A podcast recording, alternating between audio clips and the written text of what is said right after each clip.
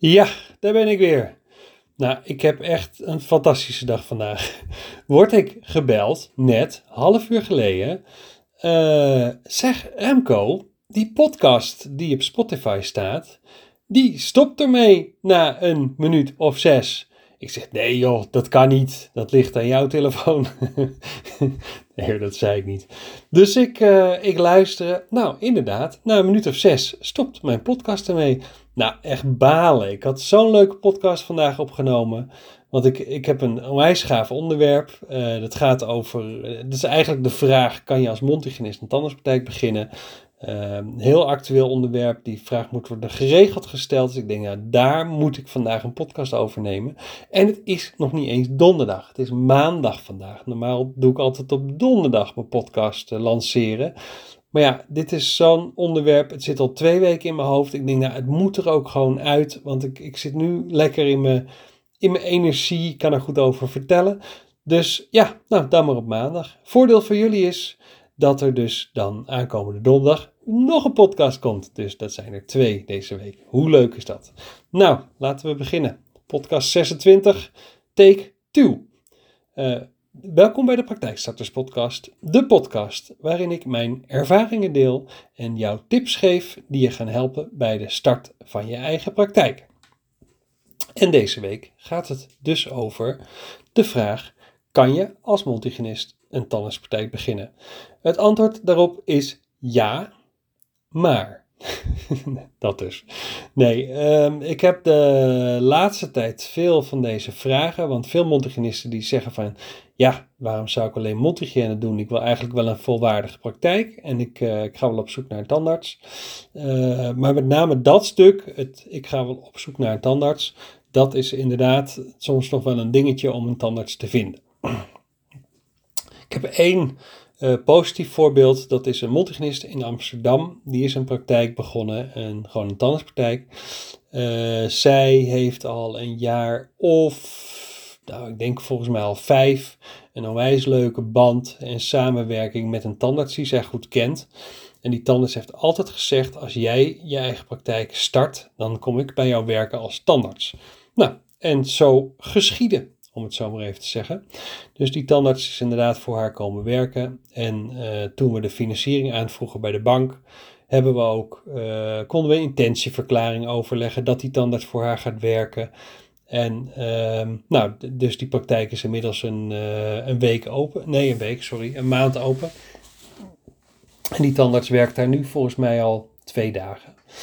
Dus uh, nou, het, het kan dus wel. Dus het is, het is niet uh, standaard dat het niet gaat lukken. Sowieso doe ik niet zo vaak aan, aan, niet lukken. Want ik, ik, ik, ik, vind vaak wel een manier om dingen toch mogelijk te maken. En ik zie nooit echt de problemen van dingen in. Je moet het gewoon proberen en doen. En dan, um, nou, meestal slaagt het dan ook wel.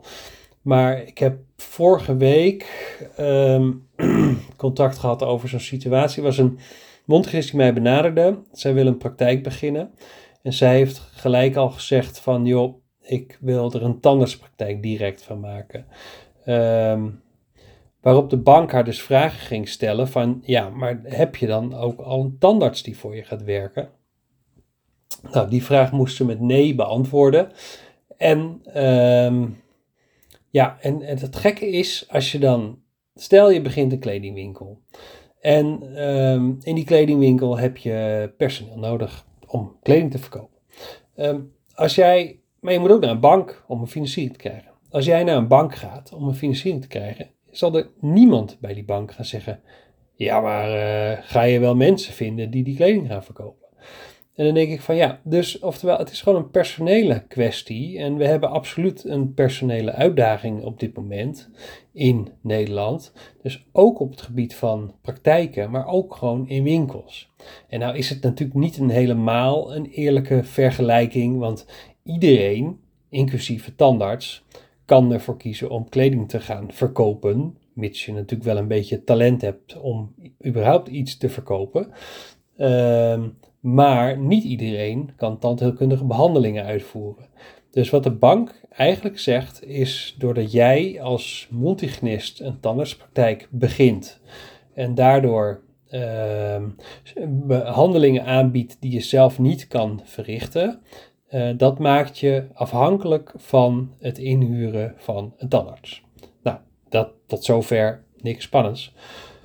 Maar ehm, heb je of vind maar eens een tandarts die dan voor jou wil werken. Kijk, ik heb daar volgens mij ook al eerder in een podcast naar gerefereerd. Uh, niet alle tandartsen zijn bereid om voor mondhygiënist te werken. En echt, ja, het is te sip voor woorden, maar het gebeurt helaas nog steeds. Dat tandartsen zich iets te academisch voelen of, of eh, dat ze om de een of andere reden een mondhygiënist niet als gelijkwaardig zien. En daardoor niet uh, daar willen werken, wat natuurlijk echt helemaal, ja, sorry, nergens op slaat. Kijk, ik, ik ben enorm van de gelijkheid, dus het, het, maakt mij allemaal niet uit wat voor opleiding je hebt en, en dat soort zaken. Dus ik snap dat soort dingen niet. Weet je, elk, elk persoon is gewoon een radartje in een, in een heel groot, uh, in een heel groot draaiend geheel, zeg maar. Dus iedereen is, is nodig. Dus kijk, gelukkig zijn er heel veel jongere tandartsen die waar die het niet uitmaakt wat voor functie je hebt en wie je bent. Dus die gaan op een gelijke manier om met mondhygiënisten, met balieassistenten, met assistenten. maakt niet uit wie je bent, van mij per de schoonmaker.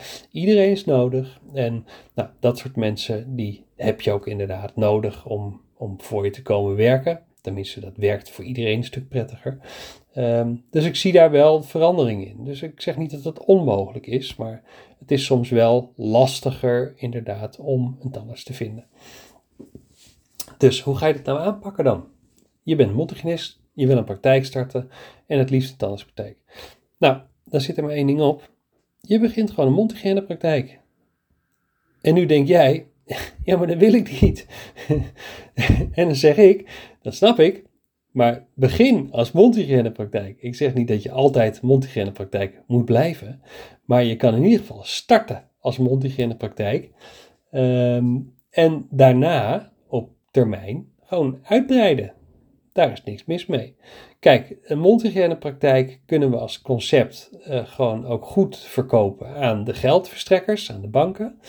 Uh, die zeggen van, hé, hey, jij bent een mondhygiënist en je begint de mondhygiënepraktijk. Dus alle behandelingen kan je zelf uitvoeren. Dat maakt je niet afhankelijk van wie dan ook. Um, en daarom verstrekken we jou deze lening.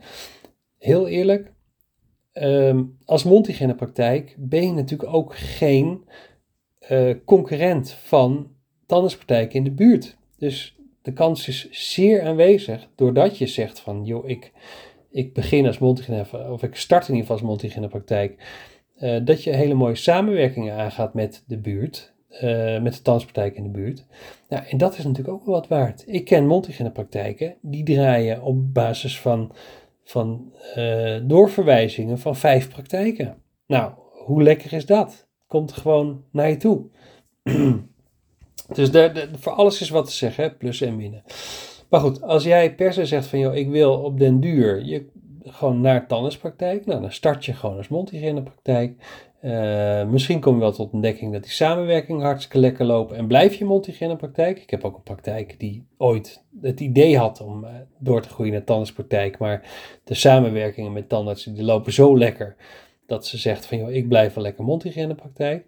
Maar goed, als jij start als mondhygiënepraktijk en je hebt de ambitie om na x periode, of misschien op het moment dat je patiënten eraan naar gaan vragen, om uit te gaan breiden naar tandarts. Nou, dan begin je gewoon een tandarts, uh, neem je een tandarts aan, zet je die erbij en heb je ineens een tandartspraktijk. En joh, heel eerlijk, voor je apparatuur maakt het niet uit. Het enige wat je soms extra nodig hebt is misschien een tweede micromotor op de stoel en een amalgaamafscheider.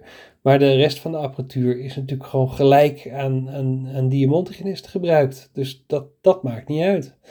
Maar goed, dat is wel het idee en ik zie dat dat inderdaad werkt. Want een bank die kijkt daar gewoon zo naar. Die zegt van, hé, hey, je gaat gewoon een praktijk beginnen. De enige die daar omzet in gaat en kan maken, dat ben jij. Uh, jij bent ook nog eens eigenaar van de hut. Nou, dus hier gaan we je geld lenen. Nou, en dat is, dat is eigenlijk hoe het, uh, ja, hoe, het, hoe het nu werkt en hoe het nu gaat. Dus als je mondhygiënist bent en je hebt de ambitie om voor die praktijk te gaan en dus misschien wel voor een tandartspraktijk te gaan, dat zegt dus niet dat je bij deze je, je hele ambitie in de prullenbak kan gooien. Je, het gaat alleen ietsje langer in beslag nemen. Dus, dus begin gewoon naar, met wat er van je verwacht wordt. En ga daarna uh, kijken wat er qua uitbreiding mogelijk is. Dus, dus plannen zijn er gewoon om uitgevoerd te worden en om door te gaan. Alleen soms duren plannen wat langer. Of, of kan je niet in een, in een rechte lijn er naartoe, maar moet je met een bochtje eromheen om uiteindelijk je doel te bereiken. En het is niet erg. Het duurt alleen wat langer. Kijk, die praktijk die hebben we sowieso uh, snel, snel opgezet. Althans, snel zeg ik nou wel. Nogmaals, panden is nog steeds een hele dikke vette uitdaging. Um, en het zal nog wel even zo blijven. Maar goed, gooi je dromen, je plannen dus niet in de prullenbak. Maar parkeer ze even. Start wat kleiner en ga later uitbreiden. Nou, dat, uh, ja, dat, dat is ook een plan. En dat is een prima plan. En daar kan ik je bij helpen, uiteraard. hey, ik wil niet veel zeggen. Maar de vorige podcast, die ik dus nu in de prullenbak heb kunnen gooien, die was nou, volgens mij 13,5 minuut. Deze zit gewoon op 11. Nou, ik weet niet wat er vandaag aan de hand is, maar om de een of andere reden. Ja, en ik ben wel door de stof heen. Ik, anders ga ik herhalen, dat wordt alleen maar saai. Dus uh, eh, 11 minuut 20 op dit moment. Nou, dat is mijn record volgens mij. Dat heb ik nog nooit gehaald. Dus ik stop er ook mee. Ik, uh, ja, ik kan je alleen maar uitnodigen. Laat me, laat me eens weten, wat vind je van deze podcast? Heb je onderwerpen die je aanspreken of je zegt van nou Remco, ga daar eens een keer wat over vertellen. Stuur me gerust even een mailtje, remco.secondent.nl.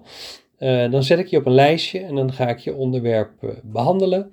Uh, wil je feedback geven? Uh, heel graag. Als je een review wil achterlaten, bijvoorbeeld in Spotify, ben ik helemaal gelukkig mee. Dus ik hoor graag wat je van deze podcast vindt. En nogmaals, aankomende donderdag is het 4 januari. Zeg ik dat goed? Nee, 5 januari ben ik er weer met een tweede podcast. En ik moet nog even bedenken waar die over gaat, want ik heb nog een stuk of zes onderwerpen op mijn lijstje staan. Dus het wordt één grote verrassing. Dankjewel voor het luisteren en tot de volgende keer. Doei!